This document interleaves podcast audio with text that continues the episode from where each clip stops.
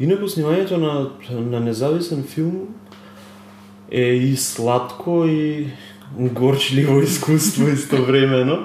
Е сега што значи тоа, јас ќе пробам да ги ставам сладкото и горчливото во некој контекст за за да ти одговорам на прашањето и некако да навлеземе во тоа како се снима, нели, како се работи еден независен филм.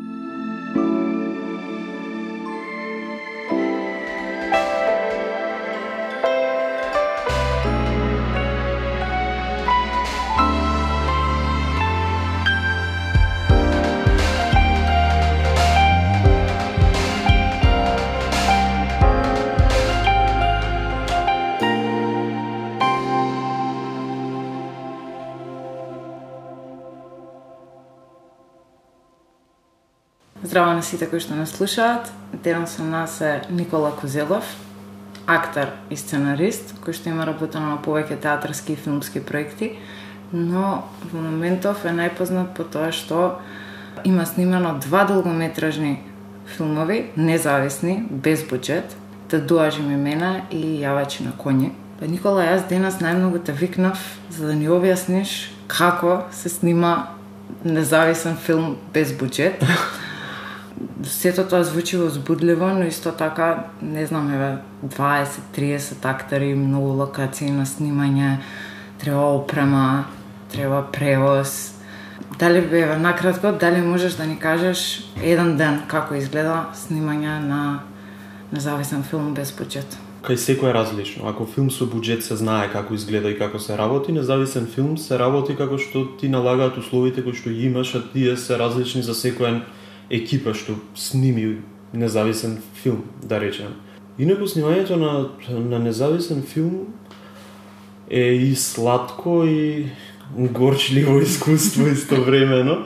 Е сега што значи тоа, јас ќе пробам да ги ставам сладкото и горчливото во некој контекст за за да ти одговорам на прашањето и некако да навлеземе во тоа како се снима, нели, како се работи еден независен филм. Јас сум работел на независни филмови, како што спомна два долгометражни, неколку кратки, значи филмови без некој официјален буџет, сум работел и на филмови кои што имаат буџет како сценарист и како актер на некои други проекти. е сега да направиме некаква паралела или некаква споредба. Кога има филм со буџет или театарска представа, но не нека бидат примеривени с филм, зашто зборуваме за филм, а, се знае дека тој проект добива некаков буџет од некаква продукција или како кај нас од агенција за филм а, и се почнува со некакви подготовки. А, и кога се почнува со тие подготовки, пред продукција, уште во рана пред продукција, нели се почнува со собирање на екипа, со правење на кастинг и сега тука да застанеме и ќе го поврземе ова со тие 30-40 глумци и екипа и се.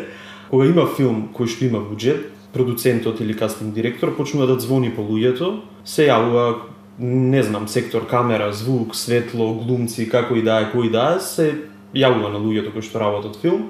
Ало, ало, на телефони тој и тој, ние работиме на тој и тој проект, дали сакаш да работиш на филмот? И ние сме мало место, особено во нашите кругови, нели сите сите знаат кои филмови се добиени, кои филмови имаат буџет, кои проекти ќе се работат годинава или таа година кога се случува разговорот и секој од другата страна, мислам ти имаш искуство, колеги сме, најчесто 90-99% веднаш викаш да. Сите сме желни да работиме и викаш да, во моментот на тоа првото нешто што ти паѓа во онака во позадина на мозокот е дека супер, ја нешто ќе работам и јас ќе добијам некој хонорар за тоа. И со тоа, првата мотивација, подсвесно, јас не викам дека ние како уметници сме алчни, ама првата мотивација кога ќе добиеш тој повеќе, кога ќе добиеш информација дека ќе работиш на филм, ти дека ќе добиеш некаков хонорар. И првиот мотив и тригер ти е дека ќе бидеш исплатен. И се собира таа некоја екипа на нели филм со буџет и што се случува за жал многу често, доаѓаат сите тие луѓе кои што сите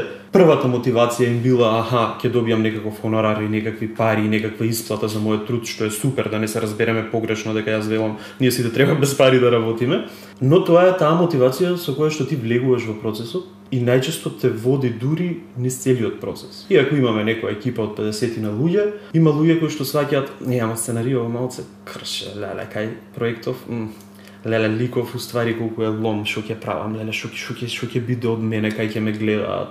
Знаеш тие мисли mm -hmm. што ни проаѓаат, ама си као ти стои она умално На крај на денот ќе имам прилив на, на сметка и се, а тоа е тоа, као не сум сам, сите ова го работиме заедно, а треба верба. И сега ова е од аспект на она сладкото, независен филм. Од другата страна се случува да те дуа живи мене, после нели припреми, припреми, припреми, да речеме како со филм со буџет, јас и Маријан почнуваме да собираме екипа. И таму не се јавуваш и по дефолт човекот од другата страна не знае дека ќе добие некој хонорар, туку ти му викаш, е, абе, како се, знаеш, брат, што правиш?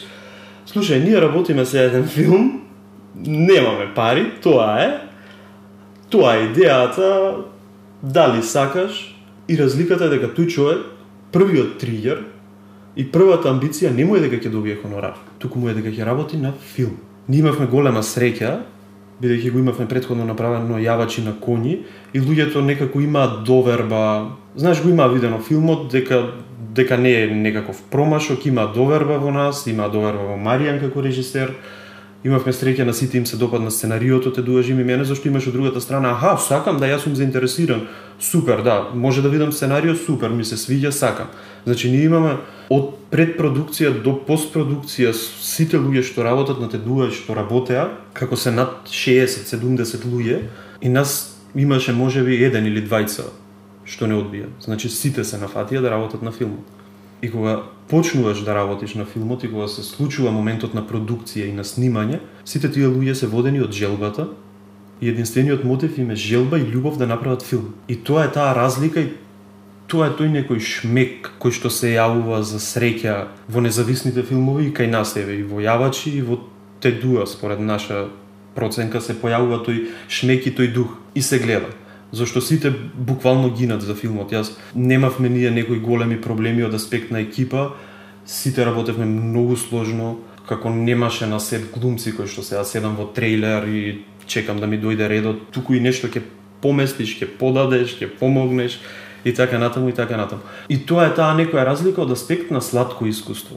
Зашто не се осеќаш таму како уметноста не е класична работа, не е дека ние кога работиме за пари па се осеќаме како да одиме на работа во банка, Меѓутоа, самиот момент, некогаш остануваш во некој проект само заради тоа што ќе бидеш исплатен, а не сакаш да си таму. А во независен филм не те држи ништо друго освен љубовта за филмот и за тоа што го правиш.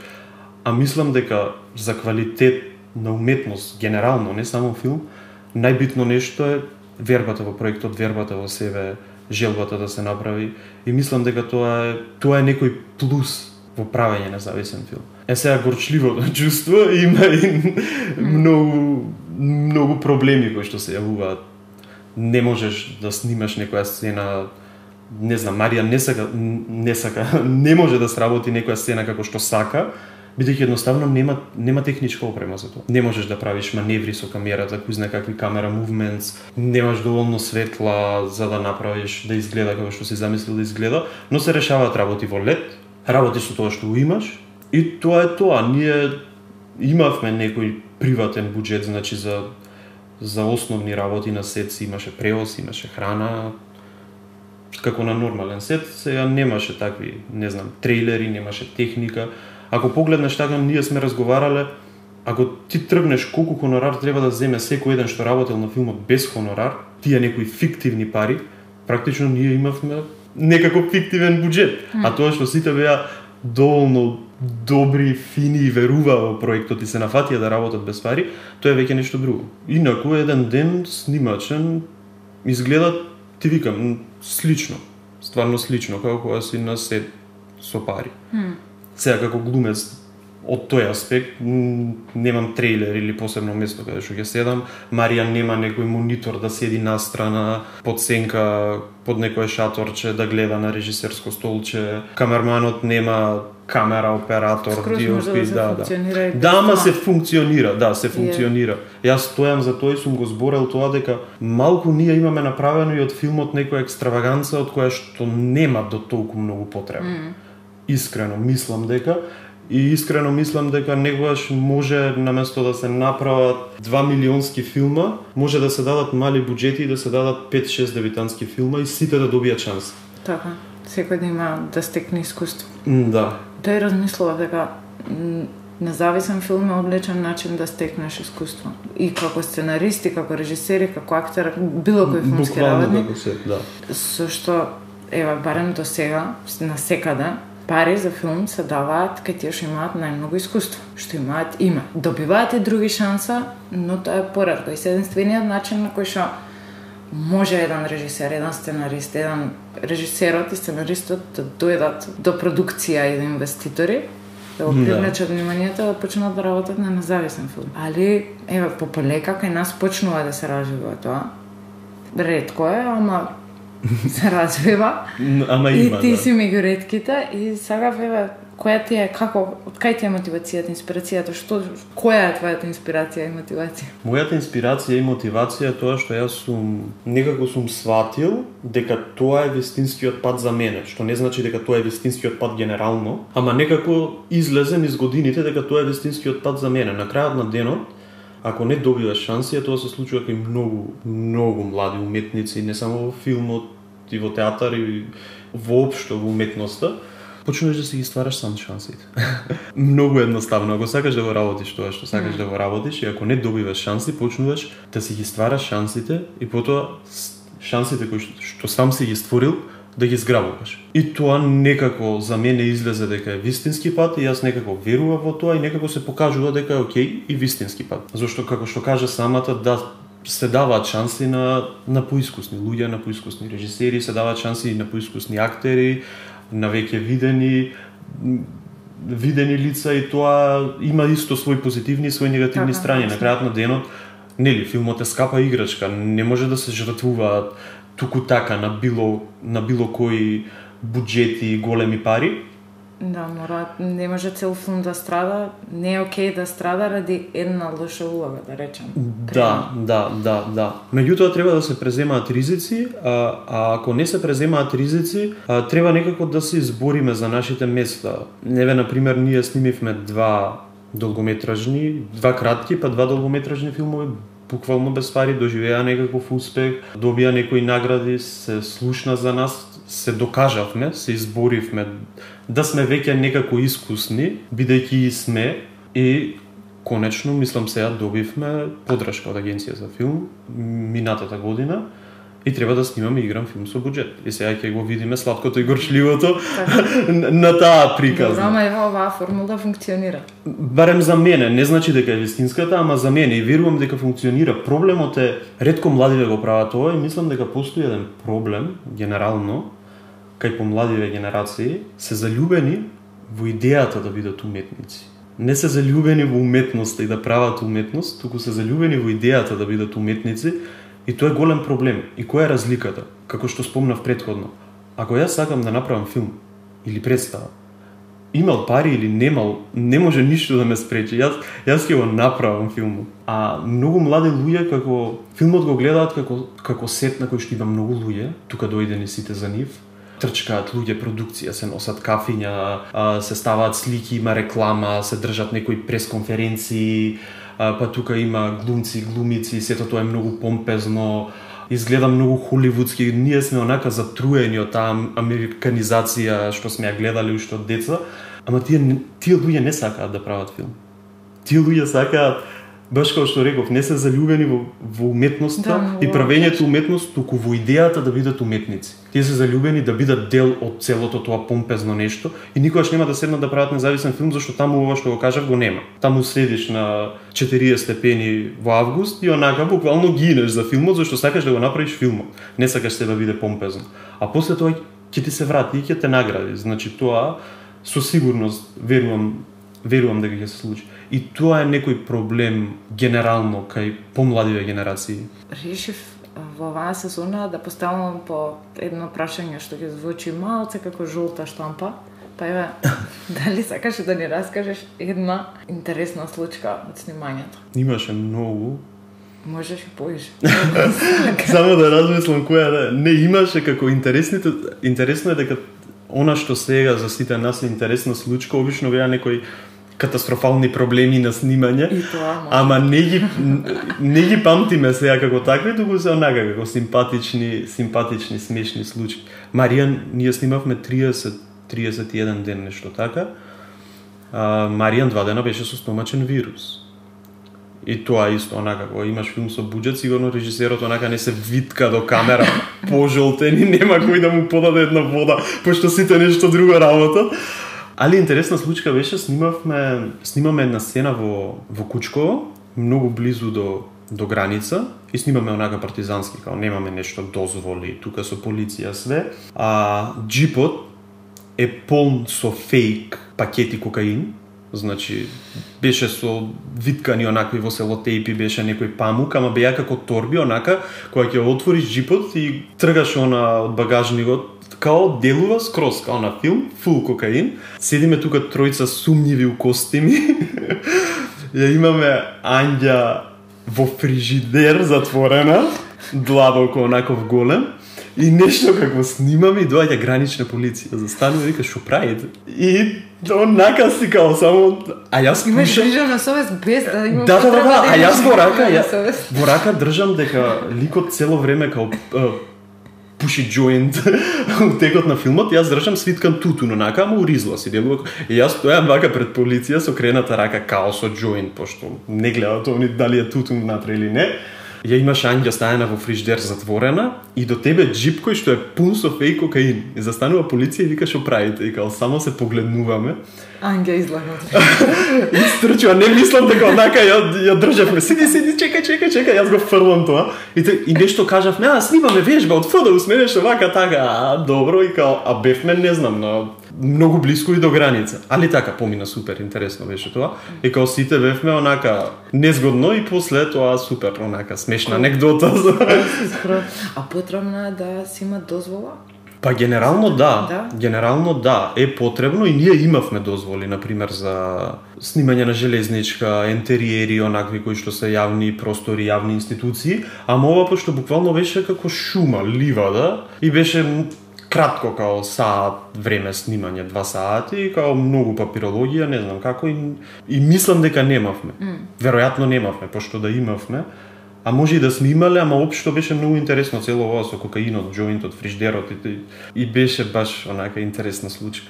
Скроз, скроз. Кој ви беше најголемиот предизвик? Дали се, имаше некој ден кај што дојдовте на граница да кажете готово, овде завршуваме, не можеме да продолжиме понатака? Не. Не? Немаше.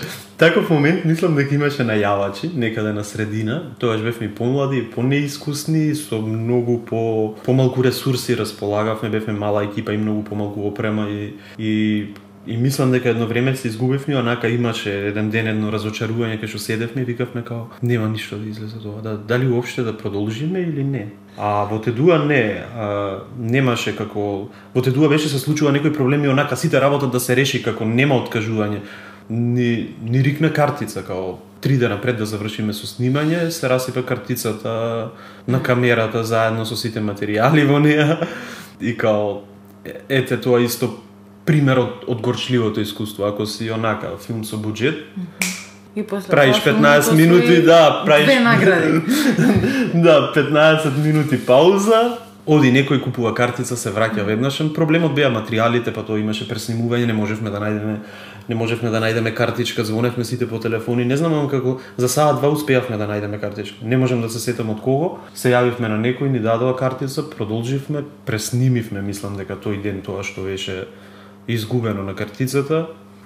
Тоа, имаше такви ситни проблеми, има, се јавуваат многу и, и такви се некои моменти на очај, се стварно ситни проблеми и знаеш дека ако имаш буџет и ако се ова е малку попрофесионално и продукциски помоќно, многу лесно се средуваат, а вака се мачиш за да ги средиш, со многу нервози, молби, трчања и, и така тоа фрустрира и нервира. Добро, ама на крај јавачи на коњи освои две награди. Три. За најдобар филм. Три? Да. Сакаш да ги кажеш? Че Чим јас сум грешка. Третата ја освои лани во Италија, а, беше награда од публика, Audience Award на Кинестфест во Италија и беше многу интересно, многу убаво беше прифатен филмот таму. А, имаше онака статии во дневни вестници, еден новинар предлагаше дека тоа е филм кој што треба да се прикажува во средните школи во Италија. И тоа беше се супер и многу убаво звучеше и беа многу задоволни и тоа не остана само на збор. Пред 5-6 дена филмот почна да се прикажува во средни школи во Италија. Сериозно? Да. Ни се јавија да побарат одобрување. Марија им кажа како филмот е направен за да го видат што повеќе луѓе, нас ни е чест, нема проблеми, баш ни, ни праќа репорти, слики, пишувавме писма, јас и Маријан до учениците, до гледачите пораки и почна да се прикажува во средните школи во Италија. Топ. Честито. И тоа е супер, да, супер момент, многу убав момент. Така кога ќе направиш нешто, вакви моменти мислам вредат и значат. А, освои награда во САД на Фан Филм, Фестивал и во Непал на Јала Интернешнл Филм Фестивал. Таму беше за најдобар игран, да. Кој која е доблесна на филмот, која е главната карактеристика поради која што имаше интернационален успех? Веројатно тој дух за кој што зборев пред малку. Јавачи на куње е направен кога бевме нели помлади, понеискусни, со, со, со, со уште помалку ресурси и опрема. И кога, кога некој ќе го гледа филмот, се, се забележува дека тоа не е продукцијски скап филм, не, не можеш да избегаш од тоа. Меѓутоа, мислам дека е супер склопена приказната. Луѓето велат дека е добро одиграна, да не кажувам, бидејќи сум дел од актерската екипа. Маријан ја има завршено работата перфектно, значи филмот е визуелно раскажен одлично. И јаготката на шлагот мислам дека е тој тој дух и тој шарм што што се гледа за кој што зборував. И јавачи на коњ е малку поразличен од Тедуа, значи тоа е малку онака поевропски филм, малку по артхаус, некоја социјална драма, баш онака и фестивалски е реално. Мислам дека и тоа си имаше некоја своја. Така, така. А исто играше во Синеплекс. Да, Ја вече на кој.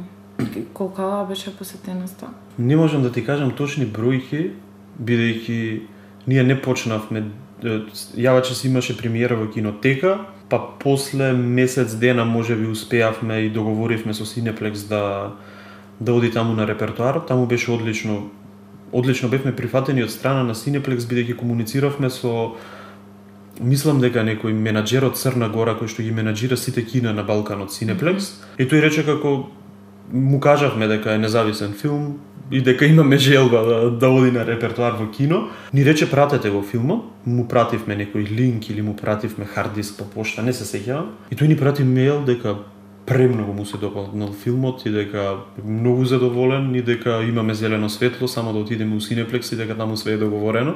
Филмот си заврши на репертоар. Каква беше посетеноста? Посетеноста беше како посетеноста на сите македонски филмови. Ако ја гледаме така, значи беше супер. Бидејќи рамо до рамо со филмовите кои што беа тогаш направени со буџет, помина супер, ама ако ја гледаме како генерална посетеност беше реално слаба. Зошто мислиш дека тоа е така? Не знам, мене ми е... Имаме во Cineplex, еве да речеме Avengers. Океј, комерцијала е, да, добро, разбирам. Сакам да го гледам Avengers, ама зошто фали љубопитност на домашната публика да, да гледа домашната кинематографија? Секојаш е... Па точно е тоа и е имам како длабока е темава за, за зборување зошто е тоа така. Јас можам да кажам само некое мое мислење, исто не значи дека тоа е, тоа е точно. Има повеќе фактори. Да почнеме од тоа дека ние имаме една многу лоша навика, не е ни навика, тоа е нешто што ни е преминато во менталитете, е правиот збор. Ние гајме малку и како омраза кон, кон нашите домашни работи. Тоа се случува не само во филмот, се случува и во музиката, сме настроени критички, сме настроени хејтерски, муабетот е, молам да давам као 350 денари да гледам македонски филм као истите глупости да ги гледам, ќе го гледам на телевизија, оди да го гледа и гледа да најде се најлошо. И тоа за жал е така и општо едно генерално чувство и генерален менталитет за се, не само за филмот. А од друга страна влијае многу она од Америка и она од Западот што ни доаѓа и затоа салите се полнат на некои блокбастери. Друг момент е немаме баш многу добри филмови. За жал. што не, до некаде и се оправдува онаа навика дека ајде македонски филм што е многу мене многу ме радува дека во последните години тоа тоа се крши и не е така. Ние имаме многу успех во филмот во последните неколку години, се направени убави филмови, одевме као Берлин, Оскари, Ханиленд, Карлови Вари, а, он, ама тоа се случува во последните години, а оваа нарав и менталитет е створена од, од долго, долго време, од 20, 30, 40 години. Но лошо е дека на крај тој стереотип важи за сите, ама мислам дека сепак вистинскиот квалитет и вистински, вистински добрите филмови успеваат да се изборат со тоа. Знаеш, зашто ги имаме ние Еве Ханилен те последен пример, го имаме Исцелител, Балканка, ако се вратиме на назад, Панкот не е мртов, тоа се филмови кои што се сериозно гледани и продавани, кои што имаат полнето така. сали, имаат полнето домови на култури ни села Македонија, имаат многу проекции, значи сепак квалитетот на крај успеа да се избори и да биде препознаен. Mm.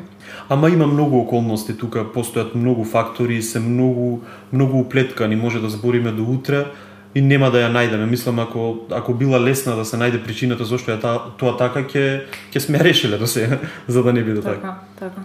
А ева со Маријан Маријан Гавриловски, он е режисер на двата долгометражни да. ти си сценарист, исто така и актер во филмовите. Како е започна соработката? Како се споивте? Јас и Маријан се запознавме 2013, мислам дека беше, јас уште бев студент на ФДУ Се споивме така што јас играв кај него во краток филм, Кота 404, а не запозна една колешка од факултет, Тамара не запозна, Котеска, го спомнавме, Еве Ханилен, ми кажа, еј, имаме еден пријател другар, режисере, бара глумец, го читав сценариото, е птене ликот за тебе, те предложив, сакаш ли да се упознаете, сакам. Отидовме на едно кафе, ние тројцата се запознавме и буквално од денот кога се запознавме, не не сме разделени, работиме цело време заедно. Некако кликнавме по некој сензибилитет. А, ние сме уствари многу различни, ама некако се надополнуваме. Таму кај што јас имам некои мани и фалинки во карактерот и талентот, а, тој ми ги надополнува а, и обратно и супер супер функционираме како комбо и буквално од тогаш немаме престанато немаме престанато да работиме заедно. Јавачи на коње, а, како жан, жанр беше социјална драма. Да. Те дуа е социјална комедија. Те дуаше ми мене. Да. И сега, еве, ќе се опитам накратко синопсисот да го кажам, да не откриам многу. А, филмот ја следи приказната на тројца пријатели, квазифраер, коцарка, коцкар, хармоникаш и они се обидуваат да ја вратат купената жена од Албанија така? назад дома. Назад. и попатно стануваат дел од мафијашка сделка. Тоа е она со кокаинот што го спомнавме предходно во головата. И сега за да те прашам, ако сакаш да ни кажеш кои се главните теми и пораки кои ги пренесува филмот, а не мора да ми откриеш премногу. Па да, ќе се потрудам да да не откриам многу. Филмот е социјална комедија која што која што во еден момент дури и преминува во драма и е некаков роуд трип филм. И со самото тоа што е роуд трип филм, главниве протагонисти одат од точка А до точка Б до точка С, точка А и точка Б се некои сцени, сите тие сцени се некакви локации, во сите сцени се појавува некој нов лик и од прилика филмот начнува многу теми на секој нов лик и на секоја нова локација начнува некоја нова тема. Не начнува, повеќе би рекол дека дека коментира, за на крај да даде некаков заклучок. Значи се бави со филмот се бави со религија, со женски права, а, со социјален живот, со односи помеѓу семејство, односи помеѓу другари, општо, меѓучовечки односи, со врски, со љубов, со феминизам, религија, не знам дали спомнав, значи буквално се бави со многу теми и сите ги а, сите ги коментира, сите ги иронизира, а, ги носи до некаква сатира, ги смејува со цел да се да се искоментира и да се исме општеството во кое што живееме, бидејќи живееме во циркус на глобално ниво, онака во Монти Пајтон реалити шоу. За во еден момент, кога сето тоа ќе стане дури безначајно, е толку иронично што станува беззначајно. Филмот преминува во драма, се губи целата комедија, се чисти од, од целата сатира, од сите абсурди, од целата иронија и остануваат голите човечки чувства и човечки односи. Таму се некаде одговорите на сите прашања кои што се начнуваат и се коментираат, дека решението а, на сето она што го критикуваме е искрена, чиста емоција, искрени, чисти, голи меѓучовечки односи. Што ти беше главна инспирација за да го напишеш сценариото на Тадуа живи мене? Па абсурдот. Сите овие абсурди, абсурдите во кои што живееме, бидејќи многу сакаме да коментираме во какво време живееме и да се споредуваме со свет на Орвел, со Монти Пајтон, и проблемот е тоа што јас мислам дека време во кое што живееме генерално воопшто не е критика ако ние речеме дека живееме во свет на Орвел. Мислам дека дека е премногу да кажеме дека живееме во еден таков свет, бидејќи тоа не е критика, тоа е пофалба за ова време кое што а ја нема заслужено, бидејќи во едно такво тоталитарно општество и во една таква дистопија, според мене, постои некаква уметност. А ние немаме уметност во ова што го живееме. Ова е буквално не се знае што се случува. Буквално е Монти Пајтон. Буквално е нема уметност како може да сонуваме за Орвел. Може да сонуваме да не биде толку уметнички лошо. Не, не можеме да го сватиме лошото пошто нема никаква логика. Ова што го живееме генерално на глобално ниво. И мене тоа ми инспирација за сценаријата неколку што ги пишувам од Тедуа па наваму бидејќи работам и на некои други и моментално работам трето сценарио и сите некако инспирацијата ја влечат од таму. Меѓутоа тоа е нешто што потоа се наметнува како тема. Интересно е како почна како почна целата идеја за да се напише сценариото и за тоа имаме една анекдота.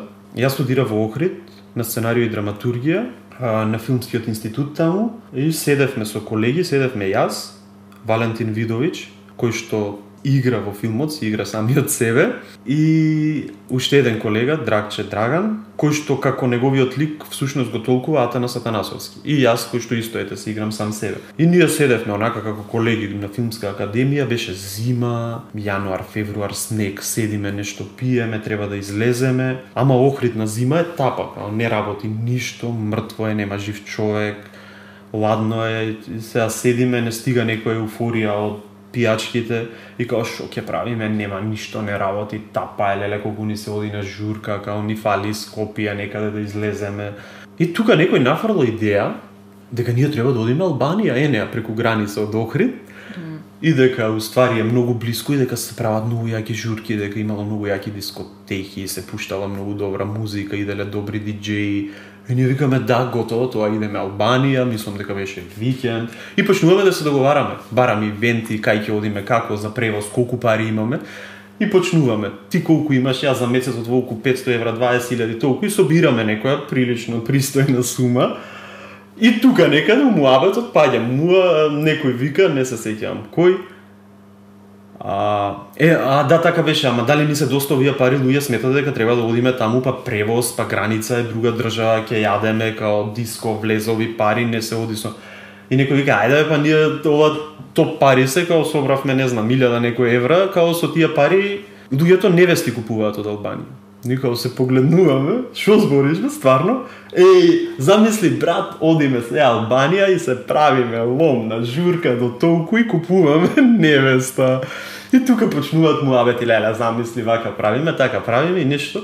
И доаѓа момент као замисли ја правиме таа глупост и утре дента се будиме и имаме купено невеста. Дајме не за фракави што ќе правиме. Као ќе ја вратиме, а ќе ја вратиме ти рече имаш 500 евра, као ти имаш највеќе од купот од 1000 евра, твоја си е, твој проблем и тоа се буквално реплики кои што кои што постојат дури mm. во филмот после. И едно време во таа еуфорија, ха хи ха хи, јас викам луѓе стоите. Ова е филм. Застанете, стоите да ми се склопи во глава, ова е филм. И така беше, фала Богу, не отидовме Албанија, не се случи ништо такво, си завршив, си завршивме удак на крај поштено у Охрид. Меѓутоа, мене ми остана, ми остана идејата во глава. И мислам кога работиш сценарио и нешто такво, секојдневно ти идат 100 идеи, во се гледаш филм, во се гледаш сцена, ама ти доаѓаат идеи и си одат, и се губат. Ова остана, не си отиде, не си изгуби, му кажав на Маријан, мислам дека утре дента уште одма зборевме, му кажувам, вика, леле, преако, супер, одлично е тоа. Меѓутоа јас останав во Охрид, студирав уште една година, као не, не се напиша одма сценариот. Али мене, мене ми тлееше во глава, си ја правев муавет на луѓе, ја раскажував, и онака си брейнстормираш со секој вака така почнав да истражувам на темата за за тие купувања на невести и така натаму. И помина мислам дека една година јас се вратив, се пресели во Скопје И седиме со Маријан на кафе и он вика, мене ми се снима приказната со купената албанка, ајде напиши ја да ја снимаме, тоа е тоа. И тука следува некој период кафиња, секој ден пиевме, се гледавме, брейнстормиравме, откако имав јас некоја контура дека оние купуваат, ја враќаат, и на тој роуд трип како ние секојдневно се гледавме и нафрлавме секакви идеи, као може може ова да се деси, може не знам да падне од небото трактор, буквално најнелогични и најглупи работи, мислам јас се ги филтрирав после на драматуршки начин, сценариски, како би звучело, што би звучело. И на крај реално многу брзо го напишав сценариото. Мислам дека седнав, дека се затворив нешто као недела и пол две во соба и излегов со напишано сценарио. Од прилика процесот одеше Јас пишував десетина страни, а, му ги праќав на Маријан навечер, мислам дека се вајле пиевме едно брзинско кафе, коментиравме и потоа продолжував. Као, ама така, во принцип, така е, кога пишувам, се затварам и, и ништо не правам, пијам само кафење, пушам цигари и куцам, и куцам, куцам, куцам, станувам, шетам, ни совар, седнувам, куцам, куцам, така веш. И се сеќам дека Маријан немаше забелешки бидејќи стално така работиме и најчесто на пример ќе му испратам дел сцена, пола сценарио или драфт и ќе ми најде некои забелешки, па ќе правам втор драфт или ќе поправам. Те дуа беше кај што он само викаше топ, супер, продолжи дали. Го снимавте во 2019, така? Или грешка? Да. Да. Од тоа што сега го имате пратено на некои фестивали? А, беше на истиот фестивал каде што јавачи на коњи доби награда од публика што спомнав и во Италија каде што се прикажува mm -hmm. во средните школи во Сицилија а, беше на тој фестивал добивме покана искрено не го пративме добивме покана од организаторите на фестивалот беше во селекција имаше скрининг таму а, го праќаме и правиме некаква стратегија се уште за дистрибуција okay. Меѓутоа сигурно ќе се потрудиме да има што побогат фестивалски живот. Ева да речеме, некој од слушателите има идеја да сними независен филм или веќе снимал независен филм. Дали би сакал да ни кажеш еве неколку платформи кај што може да се аплицира независен филм, кои што се најдобри? Фестивали и платформи за прикажување, не се изјаснив добро. Платформи кои што Да, како стриминг. Да. да. А, што се однесува до фестивали, скоро сите фестивали се наоѓаат, може да се најдат на едно место и тоа е една супер а, страна а, filmfreeway.com каде што правиш профил, го закачуваш филмот, а закачуваш а, се околу филмот, кредит, време траење и така натаму и така натаму и практично ти правиш некој профил на филмот како што изгледаат профилите на социјалните мрежи, заедно со се филмот таму и потоа таму кликаш Browse Festivals, излегуваат па скоро сите фестивали што постојат во светот. И потоа е многу лесно, имаш едно копче, submit и го праќаш филмот на фестивал. Проблемот настанува до некаде со независен филм, еве повторно уште нешто што е минус секако. кој имаш буџет, ти одредуваш е, некој дел од буџетот за дистрибуција и фестивалски живот на филмот. Бидејќи на страницава која што кажувам, постојат фестивали на кои што ти можеш да аплицираш бесплатно, меѓутоа повеќето се плаќа за за само да го пуштиш филмот, да биде разгледан. Што не значи дека ќе биде примен во селекција. И да, многу е лесно, тоа сакав да кажам. Submit и после имаш едно чекаут, кај што треба да си платиш. а, И потоа ти кажуваат дали филмот е примен или не е примен, ова дури некои од врвните светски фестивали може да се најдат тука или директно преку нивните страници, имаат сите различен начин. Се разбира колку е попрестижен фестивалот, толку е поскапо да платиш за учество. Меѓутоа тоа е супер, таа платформа е супер, супер за кратки филмови, супер за почетници. Мислам постојат многу фестивали кои што примаат бесплатно немаат ставено некоја цена за да можеш да го аплицираш филмот, туку можеш да го аплицираш бесплатно. Постојат многу фестивали кои што имаат некоја ниска символична цена што на пример стварно не е проблем 2, 3, 5 долари. Така да е супер некаков почеток бидејќи за градење на некој фестивалски живот, секој нов и нареден фестивал колку повеќе фестивали имаш налепено на филмот и колку повеќе онакви венци имаш, толку повеќе тежина добива на тој некој фестивалски живот и фестивалски пат. А сега во моментов работиш на сценариото за Не, тоа е веќе готово сценарио, чим имате добиено. Тоа е готово сценарио, сега работам на ново. Mm, На окей. четврто. Се вика пауза за реклами, а Мравки е сценариото за кое добивме подршка од агенција е, за филм и кое што ќе го работиме годинава или следната година ќе видиме како ќе се одвиваат работите и подготовките. Океј, супер, е па се среќа. Фала. Фала ти што прифати да бидеш гостин во културен подкаст. Фала ти што дојда, што одвои време. Се надевам дека си помина убаво. Супер си помина, искрено и фала ти многу на поканата, на одвоеното време вака да да да се представиме, да го представиме и филмот и да си направиме интересни муабети. Јас стварно си поминав многу убаво, но мислам дека убави муабети си направивме. Да, мислам дека доловивме како изгледа снимање на Да. независен филм без буџет. Добро. Исто. Фала ти уште еднаш. Чао. Чао.